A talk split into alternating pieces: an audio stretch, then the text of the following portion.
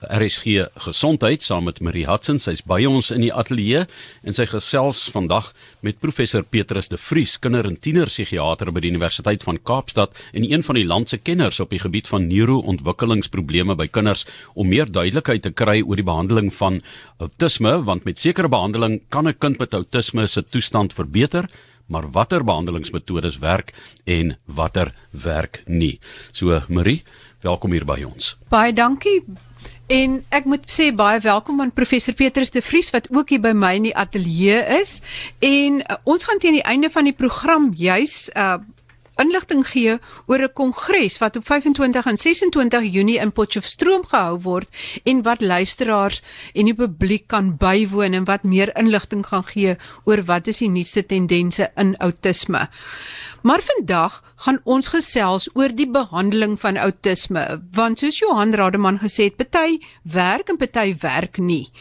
En professor De Vries, kom ons begin by die begin en sekerlik moet daar 'n redelike goeie evaluering wees van die pasiënt voordat jy kan besluit watter uh, behandeling kan werk en watter behandeling is toepaslik. Maar hoe doen julle dit en Wat is julle doelwit by die behandeling? Wat wil julle bereik van die autistiese kind?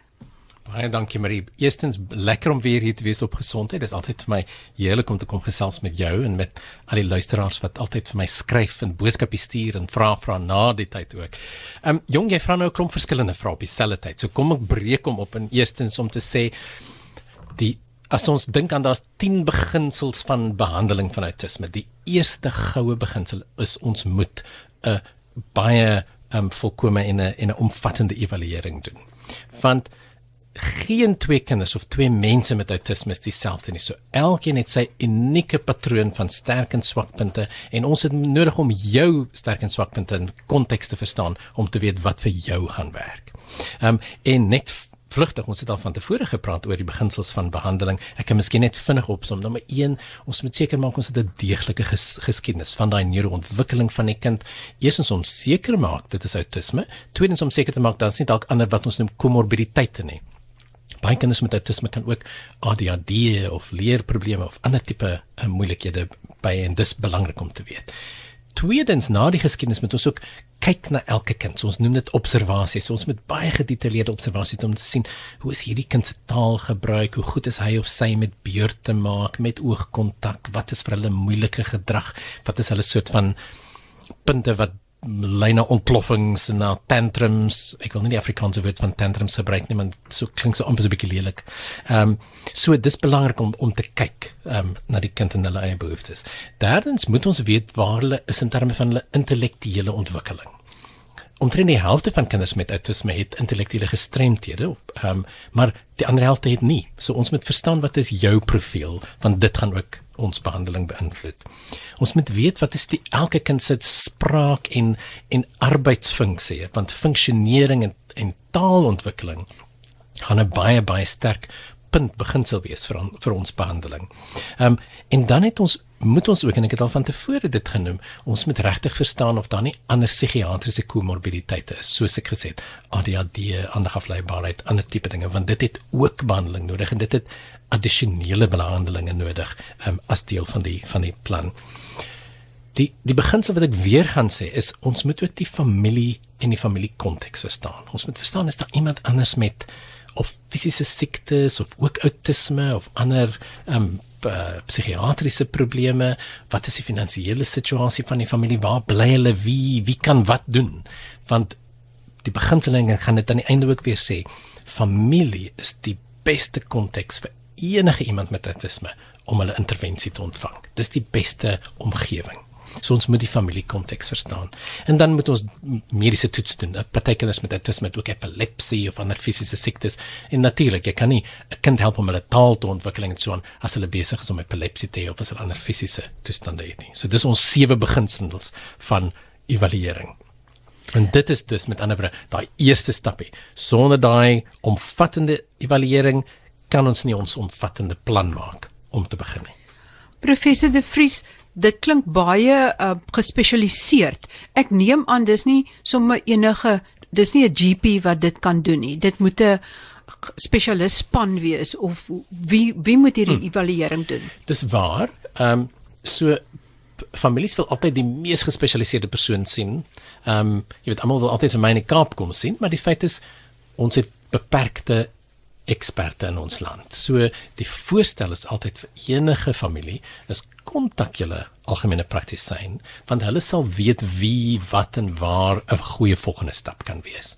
'n Ander um, raad wat ek miskien kan gee vir luisteraars is as jy onseker is om waar om te gaan, gaan na die Autisme Suid-Afrika se webblad ook. Autisme Suid-Afrika het 'n hele lys van spesialiste en eksperte wat hulle weet mense is met vaardigheid om hierdie tipe verskillende evaluerings vir autisme te doen. Ek sal dit op die op RC se webblad ook sit. Uh later vanmiddag, so jy kan môreoggend gaan kyk, dan sal dit daar wees. En ehm um, Professor, jy het gesê nie alle behandelings is dieselfde nie. Vertel hmm. vir ons bietjie oor die verskillende moontlike behandelings. Sekerlik. En as ek miskien teruggaan na ons en, en ek het nie heeltemal jou tweede vraag geantwoord, wat is die doel van ons behandeling nie? Die doel van 'n behandeling van 'n kind met autisme is ons wil hulle ontwikkeling optimeer. Nou dit klink miskien eenvoudig, maar dit beteken alle fasette van daai kind, hulle hulle taalontwikkeling, hulle hulle fisiese en motoriese ontwikkeling, hulle sosialiseringsontwikkeling, al daai aspekte het vreeslike sterk invloed op al hulle ander ehm um, aspekte van leer.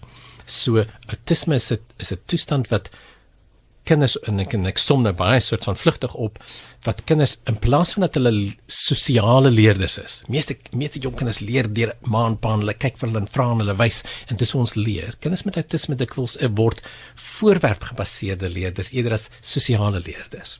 En so die beginsel wat ons inbou is om te kyk wat kan ons doen om daai kind geïnteresseerd te maak in die mense rondom hom of haar en nie net in die voorwerpe rondom hom of haar nie. En daar's heeltemal 'n verskillende um, klomp dinge, um, metodes wat ons wat mense kan gebruik um, in daai opsig. En nou gebruik julle die belangstel in die voorwerp om die kind te leer. Absoluut. So, ehm um, die die die die beginsel en ek dink een van die groot beginsels in in kontemporêre en daaglikse behandeling van autisme is ons gebruik 'n tegniek ehm um, of 'n groep um intervensies wat ons noem in Engels sal ek dit eers sê naturalistic developmental behavioral interventions NDBI so ons het dit nou probeer in Afrikaans vertaal naturalistiese um ontwikkelingsgedrags intervensies wat ons dit noem? Nogie nogie klink nie so goed nie maar in elk geval dis die beginsel. En die beginsel van hierdie NDBI's is om te sê ons gebruik natuurlike dinge wat 'n kind stimuleer Dis waar die N vandaan kom in hulle omgewing. So ons gaan nie probeer om die kind by die tafel te kom sit as hy geïnteresseerd is om rond te hardloop en met papiertjies te speel nie. Dan gaan ons hom volg en ons gaan daai ding wat hom motiveer gebruik as 'n geleentheid om te leer. Die tweede ding wat ons gaan doen is ons gaan kyk waar is hulle om in hulle ontwikkeling en dan gaan ons probeer bou. As hierdie as die kind niks woordjies nog sê nie, dan weet ons die volgende stapie vir hom is om een woordjies te kan sê. So dan gaan ons doel wees om dit te doen. As hy klaar enkelwoorde sê, my sê miskien papier of hy sê dalk gee of hy sê dalk kyk, dan wil ons nou dit na die volgende stapie vat en te sê, kan ons dit klein sinnetjies begin soos gee karretjie. Ehm um, jy kan sien nou is dit die volgende stap en so bou ons op. Dis dis wat die ontwikkelings daai developmental um, stukkie is daarvan. Naturalistic developmental behavioral beteken ons gebruik beginsels van gedragshantering. Ehm um, daar's allerlei maniere waarop op ons kan uh, dinge wat kinders doen versterk of nie versterk nie en en rewards of jy weet ehm um, pryse gee daarvoor. Ehm um, ek sê dit met versigtigheid want baie luisteraars ken die beginsel van ABA, applied behavioral analysis.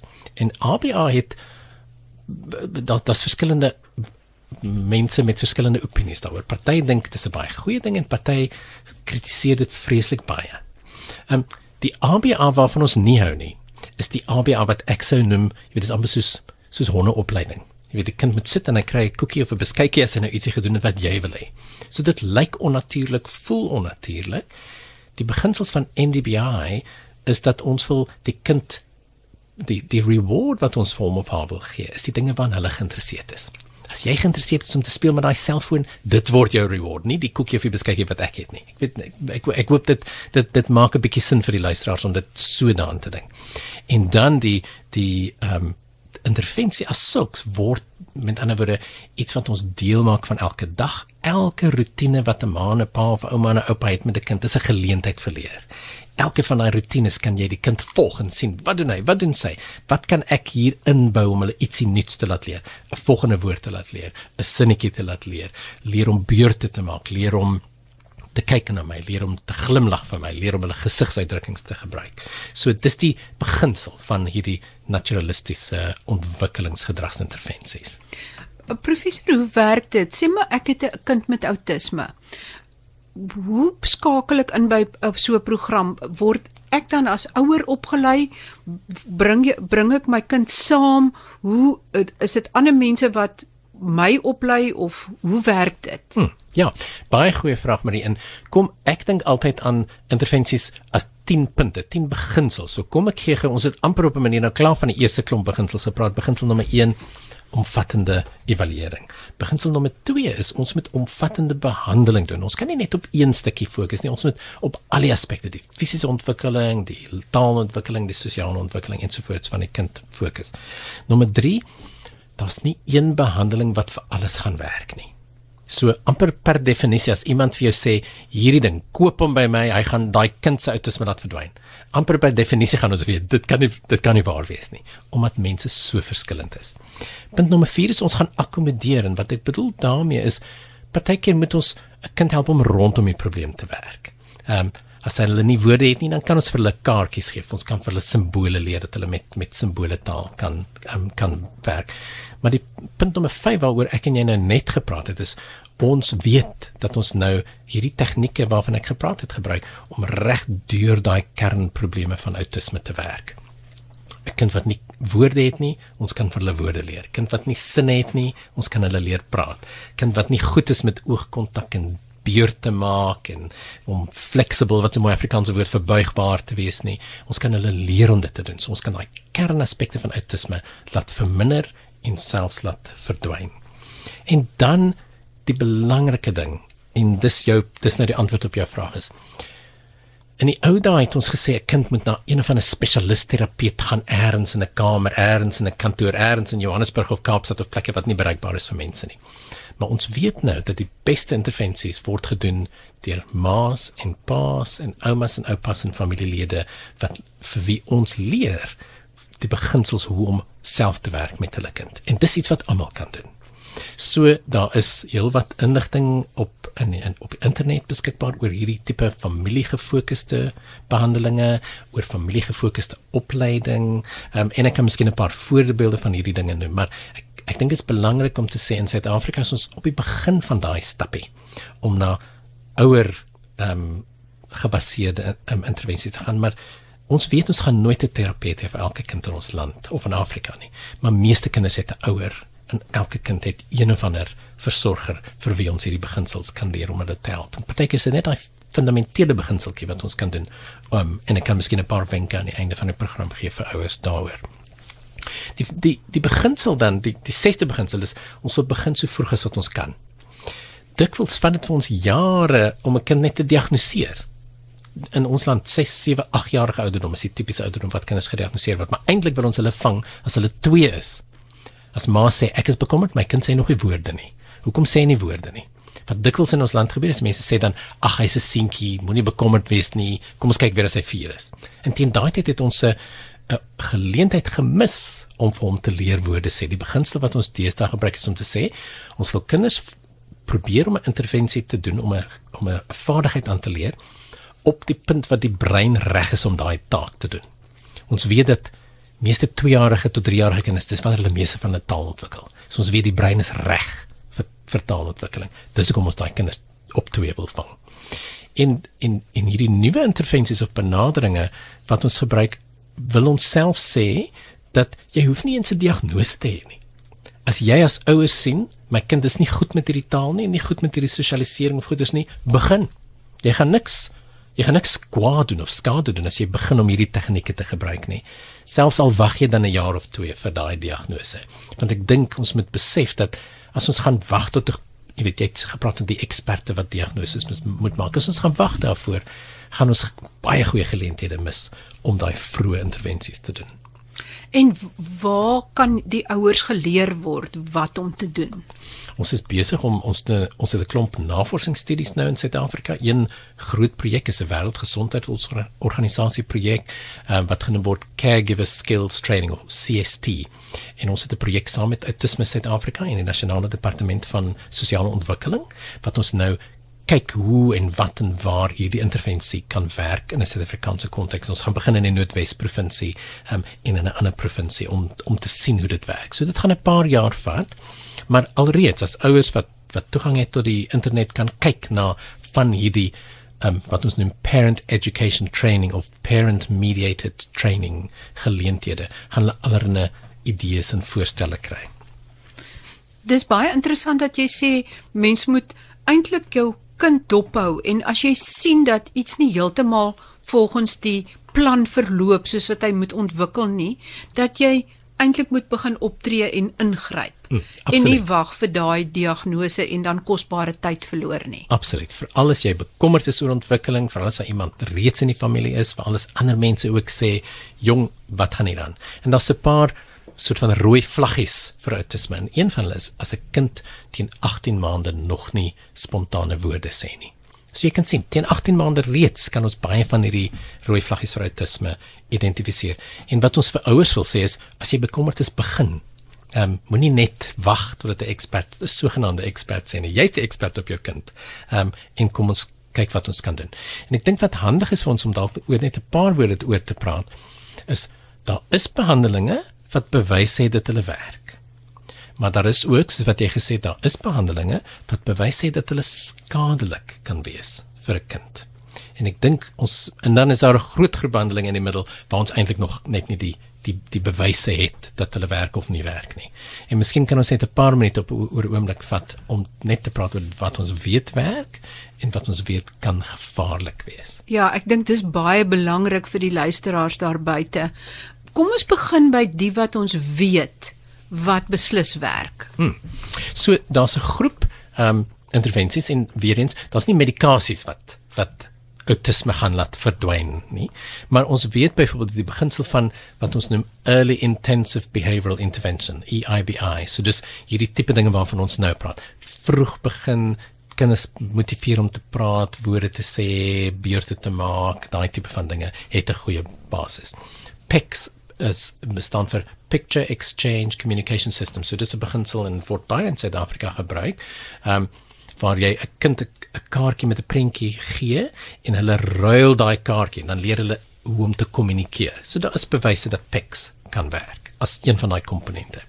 Teach ehm um, is 'n tegniek hoe om kinders te help met die beginsel dat hulle sukkel om in 'n groep te leer, so daar's 'n beginsel om hulle te help om hulle eie te werk by werkstasies, spesifieke dinge gebeur op spesifieke plekke. Weer eens in Suid-Afrika gebruik ons baie van hierdie tegnieke. Ehm um, kognitiewe gedragsterapie kan werk vir, vir spesifieke aspekte in autisme.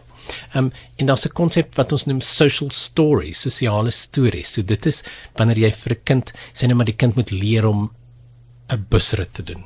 Dat jy vir hom kan leer om ons skryf die storie, ons oefen die storie dat hulle die stappies weet van daai storie en dan is dit half die die intervensie dan maak dit dit vir hulle verstaanbaar, voorspelbaar en jy vat die angstigheid weg uit daai ehm um, aktiwiteit. ABA het ons klaar oor gepraat, daar's definitief bewyse dat ehm um, toegepaste gedragsterapie baie kan baat ehm um, um, lei tot voordele vir kinders die die punt deesdae is hoe ons dit doen dat dit op 'n natuurlike manier gedoen moet word. En dan mense weet en as ons nou ons skole in Suid-Afrika gaan al die skole het wat ons 'n visual schedules, visuele skedules wat wys eers dit, dan dit, dan dit, dan dit. Want ons weet baie kinders met autisme sukkel om die wêreld te antisipeer. Hulle sukkel om te verstaan wat gaan volgende gebeur want hulle kan nie vir my en vir jou lees ons gesigsuitdrukking, ons gebare. As ek autisme het, gaan ek dalk nie weet wat Marie nou volgende gaan doen wat hier oorkant my sit en haar kop knik nie. Ehm um, en dit kan my baie angstig maak. So skedule, struktuur deur op 'n visuele manier kan baie help om dit verstaanbaar te maak. En dan is daar spesifieke medikasies vir spesifieke doeleindes soos spesifieke medikasies vir irritasie of vir slaap, maar weer eens, hierdie is alles net alles behandeling wat rondom die autisme werk en dit akkommodeer nie van niks van hierdie spesifiek gaan deur daai kern soos wat ons oor gepraat het nie. En dan wat van behandelings wat jy weet wat skadelik kan wees? Hmm. En ek dink dit is belangrik vir ouers om te weet want daar is 'n klomp van hulle. Daar is 'n beginsel, byvoorbeeld wat genoem word auditory integration training of AIT. Ehm um, en dit is gevaarlik want dit kan kinders se ore seermaak en doofheid veroorsaak. Ehm um, daar's 'n konsep wat genoem word gefasiliteerde kommunikasie. Ehm um, en dis waar 'n fasiliteerder kind se se hand vat en hom laat rond beweeg en dit's bewyse dat dit regtig waar nie werk nie. Gefasiliteerde kommunikasie is baie anders as augmentative, so 'n soort van addisionele kommunikasie waarvoor daar baie goeie bevindinge is. Daar's daar's terapie soos patterning ter therapy so dis soort van dat squeezing and hugging and rubbing and all sorts of snaakse terapie das bewyse dat dit regtig waar um nie help vir kinders nie. Chelasie so chelation therapy um is dit is EDTA is 'n komponent wat mense in bloed um wanneer jy bloedtoets doen en jy sit EDTA by dan stop dit die bloed om te um uh, stol. En mense dan was 'n teorie dat outisme veroorsaak word deur um swaar metale in die bloed en EDTA bind aan swaar metale. En so daar was mense wat vir kinders inspuitings gegee het met EDTA en kinders is dood as gevolg oh, daarvan. Ja, want daar was geen bewyse en en dis ook hier weer dis 'n sterk voorbeeld dat dis bewyse dat dit dat dit mense seermaak en kan doodmaak. Um swem met dolfyne. Baie mense soek, jy weet dit al gaan Amerika toe gaan te gaan swem met dolfyne. Daar's bewyse dat dit wel, dis skadelik. Eerstens, dit kos geweldig baie geld. Tweedens, daar's geen bewyse dat iemand beter maak nie. En derdens, dolfyne en kinders, kinders het al siektes gekry van dolfyne en dolfyne is al beseer deur deur kinders met autisme. So dis 'n skadelike ding. Um holding therapy, dis iets waar kinders gehou word en af ges, gesqueeze word. Um kinders is al versmoor deur daardie tegniek. En dan iets wat in die afgelope paar jaar in Suid-Afrika was, daar's altyd mense met allerlei snaakse dieete en goedes en daar's 'n ding met die naam ek dink dit word genoem miracle mineral solution in um chloordioxide. So dis basies bleikmiddel gebaseer op die ja, die ultimate lukrake teorie dat autisme veroorsaak word deur intestinale parasiete en dat hierdie die parasiete doodmaak. En weer eens, kinders is gebrand, kinders is dood. Daar's hofsaake, die die FDA wat is die federale um, drug administrasie in Amerika het 'n swart, jy weet, 'n groot waarskuwing daarteen gegee. So, dit is belangrik dat ouers weet wat om te vermy. Ehm um, en dan is daar soos ek sê, daai groot groep in die middel wat ons nie weet nie. Dis hoekom dit nodig is dat ons moet aanhou navorsing doen veral in ons konteks om te dink watse tipe dinge gaan werk hier, gaan bekostigbaar wees, gaan ons kan implementeer in ons land binne on ons stelsels want wat verskriklik belangrik is vir ons is dat almal moet toegang hê tot behandelinge, nie net mense wat geld het nie. In ons land is daar 'n klein groepie mense wat kan bekostig om te betaal vir terapie. Ek dink nie dis aanvaarbaar dat 'n mens net kan behandeling kry as jy geld het nie en dis die beginsel in ons span en my navorsingsspan ook wat ons regtig waar probeer uitvind wat kan ons doen wat bekostigbaar is of wat toegankbaar is vir enigiemand wat 'n kind het met autisme. Kan jy dalk so een of twee voorbeelde noem van daai behandelings wat jy onseker van is of dit werk en of dit nie werk hm. nie? Miskien net so een of twee. Ja, wel so baie van hierdie nuwe behandelings waarvan ons praat het 'n goeie basis maar 'n klomp van hulle is nuut. So dis nuwe intervensies, dit goeie beginsels. Ehm um, so ons is besig om die om die die die evidence jong ek en jy sukkel om met die Afrika, bewys ja. die bewyse ehm um, daarvoor te kry. So een van die uitstekende programme wat ons weet is 'n program met die naam Early Bird. Dis in ehm um, Engeland ontwikkel. Dis 'n ouer en 'n en 'n versorger opleidingsprogram So dis groep sessies. Ehm um, ouers word geleer oor autisme, hoe om te dink aan gedrag, hoe om kinders te help met hulle kommunikasie. Ehm um, en dit werk baie goed in in plekke soos Engeland. In Suid-Afrika het ons nou vir die eerste keer 'n klein studietjie gedoen om te sien kan dit werk? Is dit aanvaarbaar vir mense? Is dit kultureel toepaslik want ons kan nie aanneem dat iets wat van Engeland of Amerika afkom noodwendig in ons konteks gaan werk nie. So dis 'n dis 'n belowende intervensie, maar ons weet net nog nie antwoorde nie. Ehm um, die tweede een het ek al reeds genoem, hierdie caregiver skills training, die wêreldgesondheidsorganisasie program waar ons vir ouers wil leer soortgelyk. Ehm um, beginsels om te werk met hulle kinders, hoe hulle die kinders kan help om taal te ontwikkel, hoe hulle kan die omgewing kan struktureer. Ehm um, weer eens, daar dis 'n nuwe program gebaseer op goeie beginsels, maar ons het nog nie bewyse in ons land of in meeste dele van die wêreld of dit gaan werk nie. Maar jy kan sien, dit sal klaar iets anders as 'n ding wat potensieel gevaarlik gaan wees. Ek dink programme wat ouers gaan wat se mooi Afrikaanse woord vir empower bemagtig. Wat vir ouers gaan bemagtig en vir hulle die kundigheid en die kennis gaan gee, ehm um, gaan definitief 'n reuse verskil maak in ons opset. Dan uh, professor, het jy dalk enkele wenke vir ouers en dan net vinnig ietsie meer oor die uh, kongres in Potchefstroom op 25 en 26 Junie waar dit gehou word en uh, soos jy gesê het enige een, een kan dit bywoon en dit sal dalk baie nuttig wees vir ouers of familielede van mense met outisme om dit by te woon. Maar tot sommer terselfdertyd 'n paar wenke en dan sluit ons daarmee af. Absoluut. So die die kongres gaan wees maandag en dinsdag, ehm um, die 25 26 Junie soos wat jy sê by die Noordwes Universiteit Instituut vir Sielkunde en ek dink dit gaan wees in die David Du Plessis lesingssaal. Ehm um, as enigiemand geïnteresseerd is, gaan na die Autisme Suid-Afrika webblad en daar's meer inligting daaroor ons gaan spesifiek praat oor intervensies, ons gaan spesifiek praat oor van hierdie dinge wat wat ek vandag genoem het. So dit kan dalk baie interessant wees en ek ek hou van die idee van die kongres van dis ouers en dis professionele mense en van verskillende departemente multidissiplinêr. So dis 'n lekker geleentheid vir gesprek en en deel. Laat ek eindig met my vyf wenke. Nommer 1 vir ouers Julle is die beste onderwysers vir julle kind en familielid met outisme. Moet dit nooit vergeet nie. Die eksperte is nie daar buite nie. Dis julle. Nommer 2: gebruik alledaagse rotines om leergeleenthede te skep. Skottelgoed was, ry in die kar, stap langs die pad, bad in die aand, is almal geleenthede vir leer. Laat jou kind lei, is die derde beginsel. Moenie vir hom trek en sê jy moet nou dit kom leer by my nie. Kyk wat hy doen en gebruik dit as 'n kans om te leer. Dan word jy deel van haar, haar of sy belangstelling en jy word 'n deelnemer in daai spel. En daar kan jy nou jou intervensie insit vierde ene is wag. Dit klink miskien snaaks. Baie ouers is so goed om hulle kinders te lees dat hulle doen die ding voordat die kind dit nog geartikuleer het.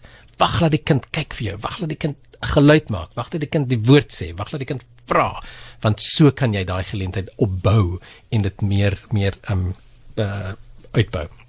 En die laaste uh, tip is wanneer 'n kind veral wanneer 'n kind niks woorde of min woorde het, gebruik woorde saam met aksie. Moenie net in stilte sit en speel met jou kind nie. Sê, kyk, karretjie. Kyk, blou karretjie. O, nog 'n karretjie. En so kan ons help vir kinders wat niks woorde het nie, daai volgende stapie maak en die volgende stapie neem en die volgende stapie neem. Ek hoop dis 'n handige stel tips of wenke vir ouers. Baie baie dankie professor De Vries. Ehm um, en soos ek gesê het, woon gerus daai kongres by 25 26 Junie in Potchefstroom. Dit gaan baie baie nuttig wees. En skakel gerus volgende week weer in vir gesondheidsake elke woensdag 12:30 tot 12:00. Groete van my, Marie Hudson.